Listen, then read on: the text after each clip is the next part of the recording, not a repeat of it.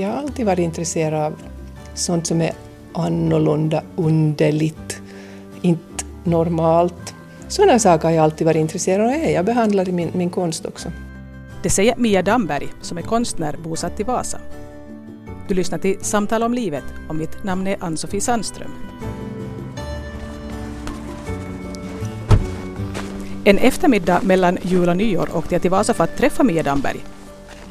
Hon hade bett mig komma till ateljén på det gamla kasernområdet. Jag var inte säker på att det fanns en dörr som var öppen någon annanstans. Välkommen!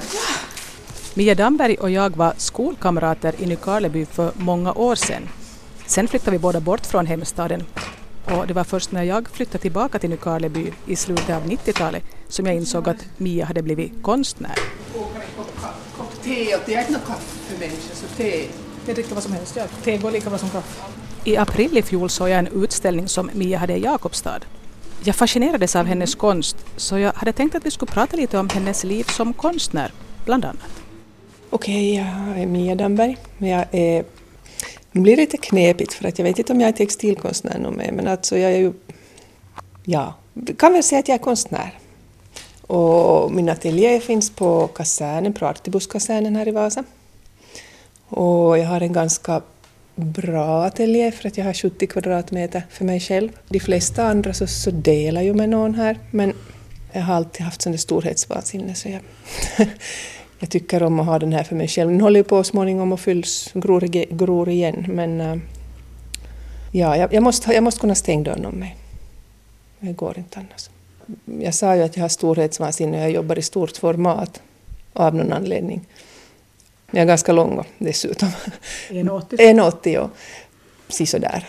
Men jag har till exempel tryckbord som är stort. Så har jag det här arbetsbordet som vi lutar oss mot nu som är stort, tre gånger en och en halv meter. Och Du sa just att du, har, att du inte vet om du är längre textilkonstnär, men det var så du började alltså? Ja, för jag har alltid haft ett intresse av att... Eller egentligen hade jag börjat med Fammo i tiderna som bodde hos oss och Fammo lär, lärde mig att virka. Vi satt på trappan i, i Nykabi och Fammo satt på sin stora trästol och jag satt på min lilla trästol och så jag var, tror jag, fyra. Så Fammo lärde mig att- att virka. Och så jag har haft ett sånt intresse av att, att jobba med händerna. Sen var det mycket annat som gjorde att mitt första yrke inte handlar om, om det här, men mitt första yrke är ju mentalvårdaren. När jag studerade i Stockholm och jobbade i Stockholm i fyra år. Alltså människan är ju mitt intresse, alltid varit. Därifrån får jag mina... Ur människan så gör jag konst. Men eh, då som 17-18-åring, då jag flyttade till Stockholm, så, så nu var det ju det här, det här annorlunda. Och när, när man inte har kontroll något mera. Såna, saker har alltid, alltid nog intresserat mig. Om man, om man tänker efter när jag jobbade fyra år inom mentalvården i Stockholm, 19, 20, 21, 22, 23, alltså inte kan man ju tro att man har varit den superbästa mentalvårdaren i så unga år. Skulle jag vara nu, kanske man skulle ha, ha lite livserfarenhet och, och vet vad det handlar om, men, men Men du gjorde det i alla fall i fyra år? Nå jo, jag gjorde i alla fall i fyra år tills jag fick hemlängtan och, och tyckte att nu får det vara nog med Stockholm. Men äh, sen då när jag kom tillbaka hit till, till Vasa och till Finland så då har det nog varit det här som har hjälpt. Ibland tar man sådana stickspår som sen visar sig vara det man inte vill ägna hela sitt liv åt. Mhm, Precis. Och dessutom så upplever jag nog att, att det här mitt nuvarande yrke handlar om på sätt och vis samma saker som mitt föregående yrke, för jag är intresserad av människans inre och särskilt de här mörkare sidorna av människorna som jag har alltid varit intresserad av sånt som är annorlunda, underligt, uh, inte normalt. Sådana saker har jag alltid varit intresserad av och jag behandlar i min, min konst också. I vilket skede började du faktiskt se dig själv att du insåg att du hade blivit konstnär? Att det var det du höll på och gjorde? För det tycks ju, du har ju tagit dina omvägar och sådär. Inte vet jag. Jag har ju fumlat på faktiskt. Först när jag kom tillbaka från Stockholm så, så gick jag i en utbildning i kvävlax, en hemslöjdsskola. Och inte kan jag säga att jag är efter det alls, men det var ju på 80-talet, början av 80-talet, mitten av 80-talet. Sen fick jag barn och så höll jag ju på att flytta på landet, ut på landet, allt möjligt sånt. Kanske då i och med att, att någon gång i slutet på 80-talet kanske. Du gick någon annan utbildning också på finska? Mm, no, jo, jag har gått sen senare, då har jag gått, jag började 97 i Seinäjoen ammattikorkeakoulu i Jurva, där jag studerade både beklädnad och textil. Jag bildade en firma efter skolan och försökte liksom börja med de här kläderna nu då som att jag, jag, måste ju, jag måste ju försörja mig och så ska man ju bli ordentlig och så vidare och så vidare. Så jag höll ju på med det några år och så tänkte jag nej, det här är, det här är inte för mig. Det. All, aldrig någon firma med mig, det är nog helt, helt säkert det.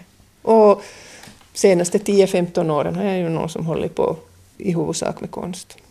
Tycker du syns mer och mer, om man hör Ja. mer och mer om det du håller på med och du har någonting du vill säga, känns det som, när man ser Ja. det. För jag, jag tyckte faktiskt om den där utställningen du hade där i Jakobstad. Här i, med här- Tobaksmagasinet, ja, det, är ja, stora, i det är ganska stora bilder. Och så ser man att "Aj, men herregud, det är du själv där som är med på bild dessutom. Mm. Jag använder ju min egen kropp, ibland utan och ibland med kläder. Och det är ju förstås det där att vara naken så så handlar det inte om att vara naken utan det handlar om att vara bar. Och det är en stor skillnad mellan att vara naken och vara bar. Eller liksom jag upplever att vi, ser, vi är ju allihopa nakna under kläderna i alla fall. Och jag ser ut så här och du ser ut så där och, och en annan ser ut på det sättet. Och, men äh, inte ser jag ju det att det är som sådär alldeles lätt heller. För inte skulle vi ju ändå liksom gå ut bara röve på gatan här. Inte, Nej, men det beror ju på klimatet också. Men att, inte enbart. nej, nej, absolut inte. För att det är ju klart det att, att för kvinnan brösten är sexuella attribut och, och mannen är penisen ett sexuellt attribut. Det är helt klart. Så nu kollar man ju på, ah, ja, han har en sån om någon man råkar se någon som är naken. Ah, ja, och hon har såna. Det är ju klart att man gör. Men, eh, och nu använder jag ju min nakna kropp absolut för att, för att det handlar mycket om sexualitet. Ett av de konstverk som man kunde se i april i Jakobstad föreställer en middagssituation där alla är fullt påklädda utom då en kvinna som har kläder bara på övre delen av kroppen. Och den här kvinnan på bilden är Mia Damberg själv. Den bilden har Mia för tillfället som sin profilbild på Facebook.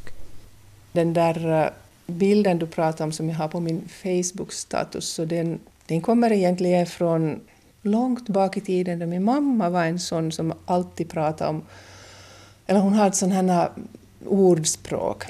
Hon sa sån här att nu stiger jag upp så kräkakar. Jaha, okej. Men så sa hon också sådana här saker som den som inga byxor har, den får gå med rumpan bar.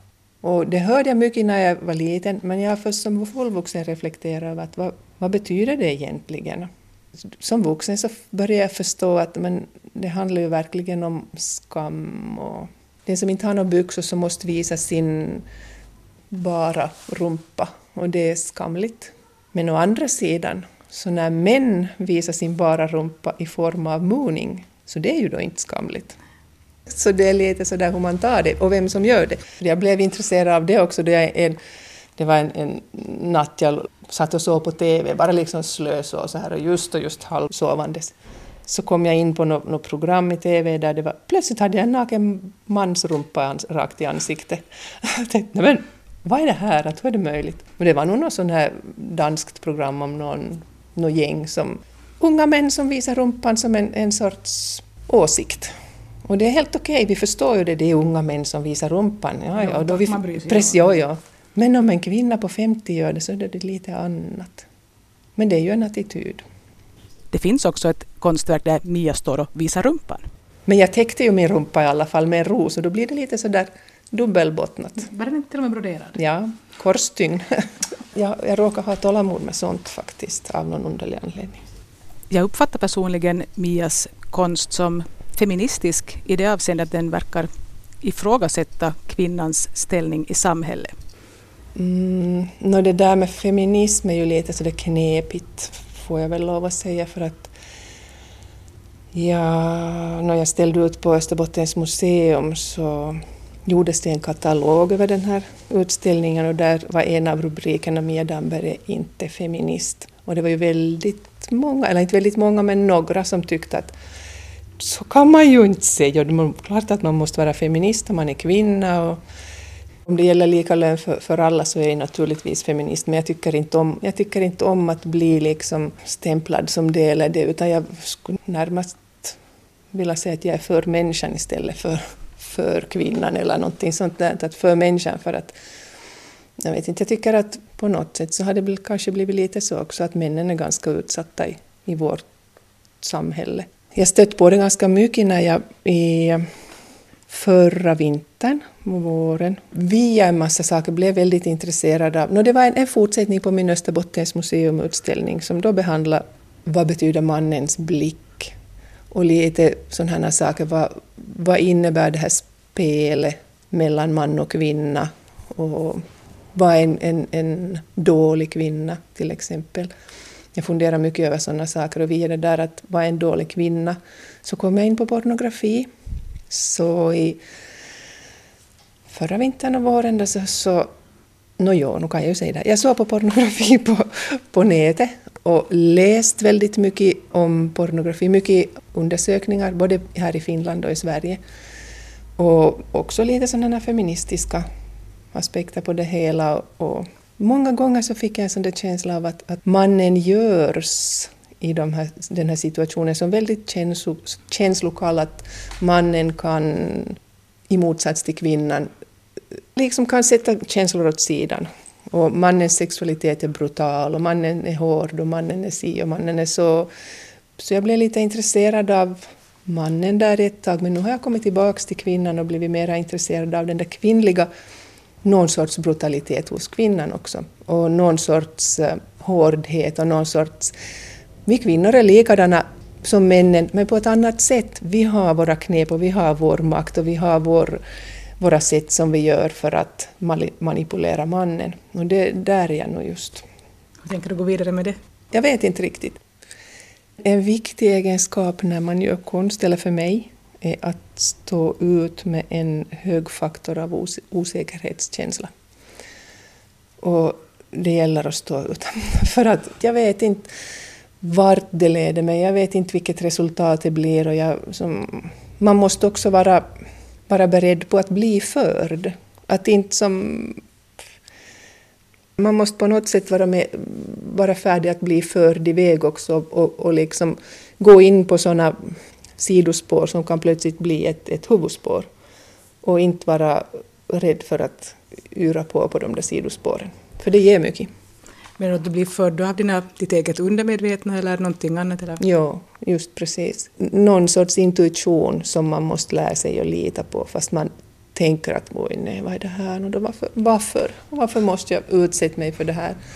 Men sen när man kommer fram, har yrat och vinglat iväg och, och gjort ett och annat snedsteg, så då är det den där belöningen på något sätt, att man har litat på sin egen intuition och så trots sina rädslor och trots sina, nej det här kan jag inte göra, nej det här blir inte någonting, så gör man det i alla fall och så leder det någonstans.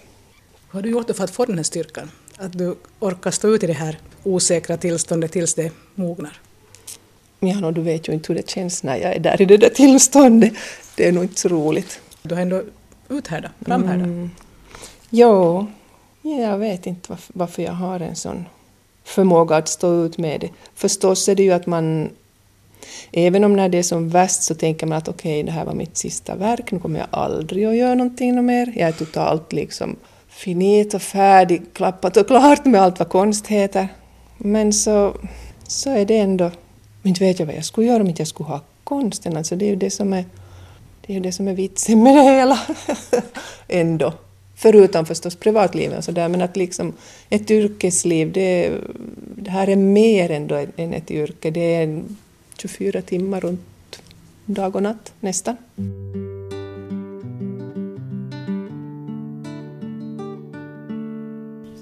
Mia Damberg sa här tidigare att hon alltid har varit intresserad av sånt som är annorlunda och underligt. Så jag frågade henne om hon har några egna teorier om varför hon har dragits till sånt. Nej, no, egentligen, no, om man skulle ta riktigt drastiskt så känner jag ju mig igen mig själv för att i hela mitt liv så har jag upplevt att jag utanför, annorlunda, inte hör ihop och tills jag nu kanske har varit drygt 30 så har jag upplevt att det har varit jobbigt. Men sen i något skede så har jag insett att jag antar att alla andra känner så också i större eller mindre grad. Så inte vet jag. Och som vi kommenterade här före jag satte igång den här maskinen att vi är båda över 50 nu och jag minns ju det från, du var liksom bara ett år äldre så jag minns ju att du gick en klass över mig i skolan. Men jag menar, nu var ju det här ungdomsåren mycket tyngre än vad jag tycker de här senaste tio åren har varit. No, absolut. Sen som, ja, som kvinna, om man tänker på sådana här, eftersom ju kvinnan är ett av mina teman, så som kvinna upplever jag att det blir bara bättre och bättre och bättre. Man blir, man blir sig själv med sin kropp och man bryr inte så mycket om vad andra tycker och tänker och man, man har skinn på näsan att ju äldre man blir desto bättre blir det, tycker jag åtminstone. Och det har just att göra säkert med det där att jag kände att jag aldrig hörde till, att jag hittade aldrig som hem i någon grupp eller jag hittade aldrig hem, känna någon sorts sån här tillhöre med någon, utan jag kände mig alltid utanför. Hörde inte till de här hästflickorna lite? Mycket. Och där hörde du till det, för dit kunde jag inte höra till, för jag var rädd för hästar. Ja. Ja, nej, nu hörde jag ju mycket till där nu, ja, absolut. Att vi är red ju från jag var 6 till jag var 17. Skulle inte jag ha haft hästar så jag undrar nog hur det ska, hur illa det skulle ha varit då, för att hästarna var ju något som det helt fyllde hela mitt liv. Hela skoltiden tills att jag började intressera mig för något annat sådär vid 15, 16, Jo, 17. jag, minns att, jag minns att ni, för, ni som började med hästar, ni försvann ju från oss andra. Första man gjorde, man pedade till stallet efter skolan och varje dag. Finns hästar i ditt liv något mera? Nej. Inte med hästintresse alls? Nej. Det var saker och ting som gjorde då just när jag var 16 att hästintresse slutade. En sak var att man blev intresserad av pojkar. Men mycket annat då var det som gjorde att det bara föll sig så att det passade som inte något mer då. När vi kommunicerade här före jul då, så du sa att det var lite, du hade inte riktigt, det var inte riktigt flyt just då.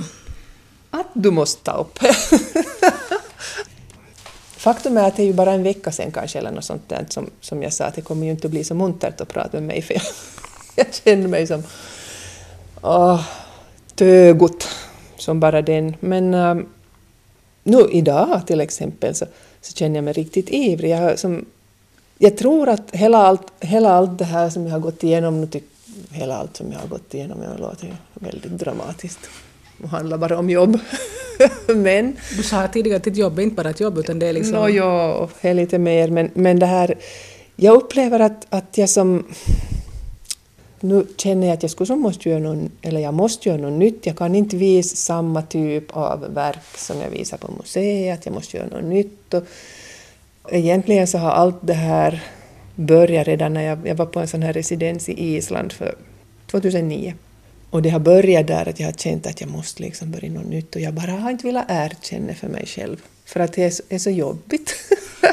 det är så jobbigt att, som, no, men alltså om du är ryska lärare så skulle du måste plötsligt bli engelska lärare eller vad fasen som helst. Alltså det blir som helt, man måste som lära sig att tänka out of the box som amerikanerna säger. Att som verkligen rent tekniskt börja, börja jobba på ett nytt sätt.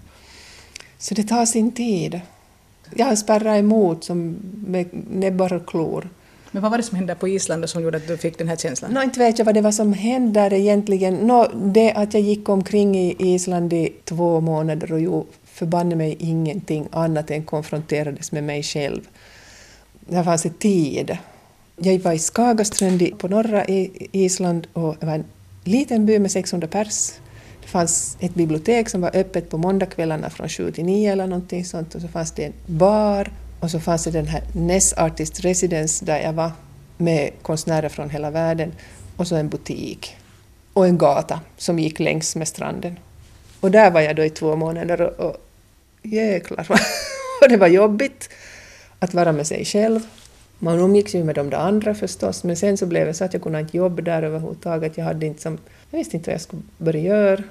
En viss tid av dygnet är man med andra, en viss tid av dygnet sover man, en viss tid av dygnet äter man. Och sen har man si så där resten av de där timmarna då med sig själv. Och det var, nog, det var så givande. men det var nog jobbigt att liksom vara där, fejsa sig själv.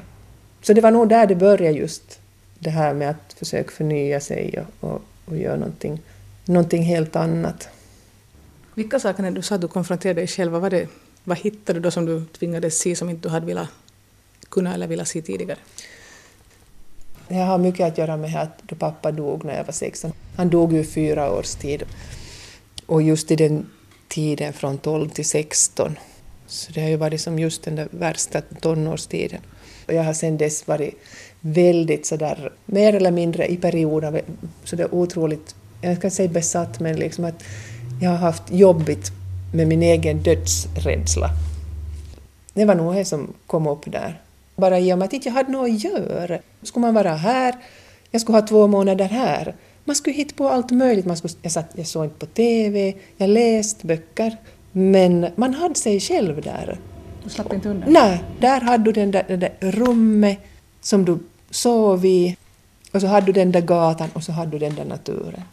Så det var ju det var jag gjorde. Jag, jag satt, alltså de första tre veckorna sov jag jättemycket för jag var helt utkörd och hade jobbat så mycket. Men jag satt vet du, där bakom, där vi bodde så fanns en sån där härlig knall. Så jag satt där och såg på, på havet. Timmar varje dag. Satt bara där och sov. Och då började ju komma de alla, alla möjliga sorts tankar och alla möjliga rädslor och allt möjligt sånt här som man går och bär på. Så jag kommer bara ihåg en söndag, jag var helt utfrik alltså, helt liksom bara gick omkring och var ifrån mig. Men äh, efter det så upplevde jag sådana vet du, härliga känslor av att man sitter, sitter bara och ser och känner att okej, okay, jag behöver inte någonting annat än just här och nu och det här. Nothing else matters. Jag hade inte så möjlighet att fly någonstans. Och där kom det då överraskandes just den här känslan av att man står inför sin herre, står inför sin egen dödlighet. Det låter nog väldigt vidlyftigt. Men ändå, någonting sånt hände nog där. Och du hade kanske inte riktigt velat möta den saken när du var i 16-17 års åldern? Inte har man de verktyg man behöver som 16-17-åring att möta sådana saker. Jag var ju bara arg då. Jag var arg på morsan för att hon sörjde, jag var arg för att jag måste ha svarta kläder, jag var arg på allt och alla. Det var mitt sätt att reagera.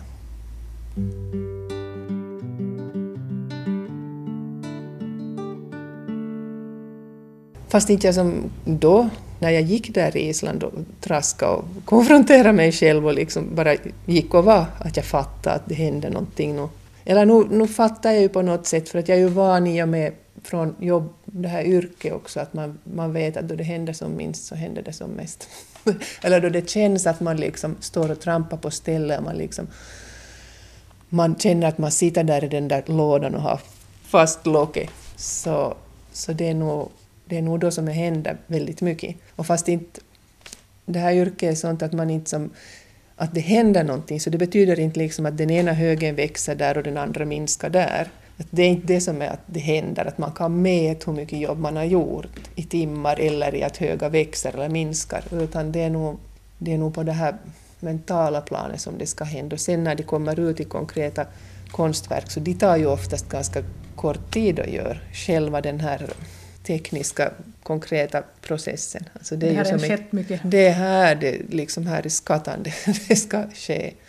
Och då du började ta upp det här så då, då tänkte jag bara på hur jag har det idag just för att igår så yrade jag på här hela dagen. Jag byggde den här kulissen som vi har här bakom oss och har bara en, har bara en aning om någonting som jag ska göra.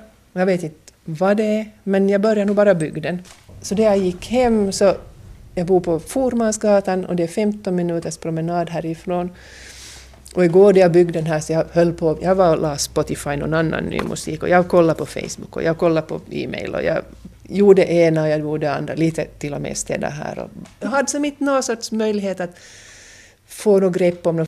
Men igår då jag gick hem, 15 minuters väg hem, så det bara knattrade i skallen på liksom, tack, tack, tack, tack, tack, tack. Så idag då jag gick hit tillbaka så nu har jag en ganska, en lite klarare bild av vad jag ska göra. Så att det som händer mycket sen då när man, när man får någon sorts grepp eller när man får tag i någonting så då kan det hända mycket på 15 minuter men då har man ju jobbat med det då redan i, kanske ända sedan Island, vad vet jag. Men det går inte att mäta i tid eller timmar eller konkret arbetstid utan det är sånt som händer. Och då, då ska man liksom vara orädd och då ska man vara villig att följa. För att många gånger när, när det hände, jag sa i början och så sa jag någonting att, att, att mycket av mina idéer och mina ja, mina idéer så min första tanke är att man, kan man inte göra. Det här kan man inte göra, man kan inte göra sådär, nej, det går inte. Och så smakar jag på den lite och så tänker jag på det lite och så ältar jag den och lite och nu slutar det ju med att jag gör det i alla fall. Och just sådana här saker som, jag antar att du kommer ihåg det där verket som jag hade i Tobaksmagasinet, just den här kvinnan som, som sitter och har, det är en sån där dubbelbild, hon sitter och har benen ut och så sitter hon och har benen inut, in, in så här. Så att det blir som, man ser inte att en typisk sån här dålig kvinnas sätt och sitt så skulle kunna vara så här med benen ut, men då har hon också, hon har dem också ihop så här och, och jag tänkte, men det kan man inte, det kan man, det kan man inte göra. Men nu gjorde, nu, det kunde man, det kunde man. det kunde jag. Du gjorde det. jag gjorde.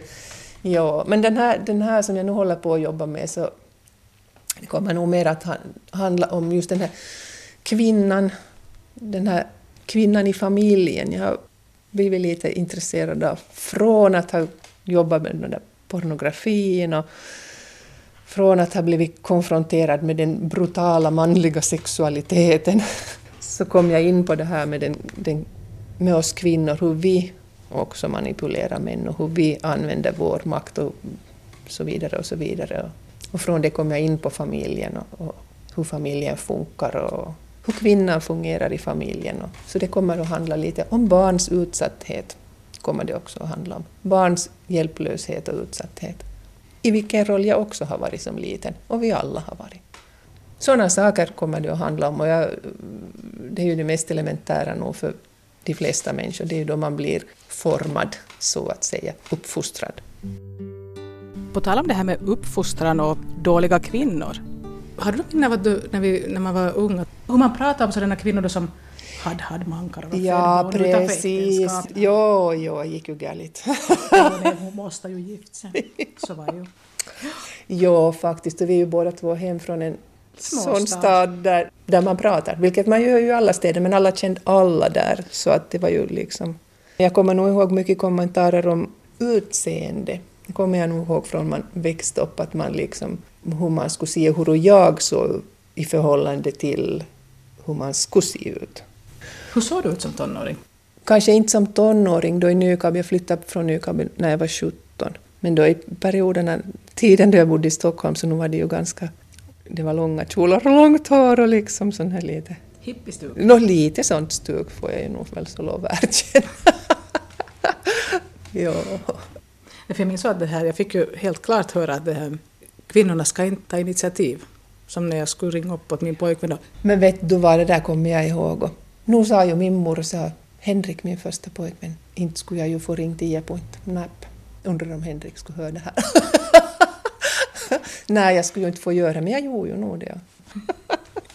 Så när vi växte upp i Nykarleby fick vi båda höra att kvinnor inte ska ta allt för mycket initiativ. Och åtminstone jag fick nog på olika sätt höra att man skulle hitta en kar och bli gift. Ja förresten, hur är det med Mia Damberg? Är hon gift? Ja, jag har gift mig på... Du tänkte tänkte jag säga, men jag säger det. På gamla dagar, ja, med mitt livs kärlek. Kändes kul. Vi gifte oss en dag före jag fyllde 50 eller något sånt där. Hade du, du hade inte varit ens på väg att gifta dig tidigare, eller sådär, du hade inte haft några sådana... Nej, jag hade nog inte, jag hade inte ens varit nära att bli gift. Faktiskt så ville jag ju nog gift mig med min nuvarande man. Det var, kändes riktigt bra. Du sa att det är ditt livs kärlek, ni har inte känt varandra jättelänge. Nu inte jättelänge, men vi har nog hållit ihop i 16 år nu, så nu är det ju ett tag. Vi känner varandra ganska bra vid det här laget. Vilken tur att du inte är en dålig, dålig kvinna något mer då. Nå, säg, nej, precis, nu lever jag inte i synd. Fast du visar... Just du, precis, fast jag visar rumpan på stan. Vi sitter kvar och pratar ganska länge och skvallrar om gemensamma bekanta. Och plötsligt kommer jag ihåg en sak som har att göra med Mias mamma. För hon var min första frisörska. Du var typ nio eller elva eller någonting. Och så höll hon på där i håret mitt och rev och lagade en sån stor uppsättning. Och så pipade jag till och så sa hon att vill man vara fin får man lida pin. Där har vi de där ordspråken. Och jag tyckte det känns fel. Varför ska, visst. varför ska man måste lida pin? Nå precis, och vad är att vara fin? Ska man ha en sån där hög bollo på, bollo på huvudet? Det ska man ju ha tidigt Ska man 70-tal. ha? ja. Du har hört konstnären Mia Damberg i Samtal om livet. Mitt namn är Ann-Sofie Sandström.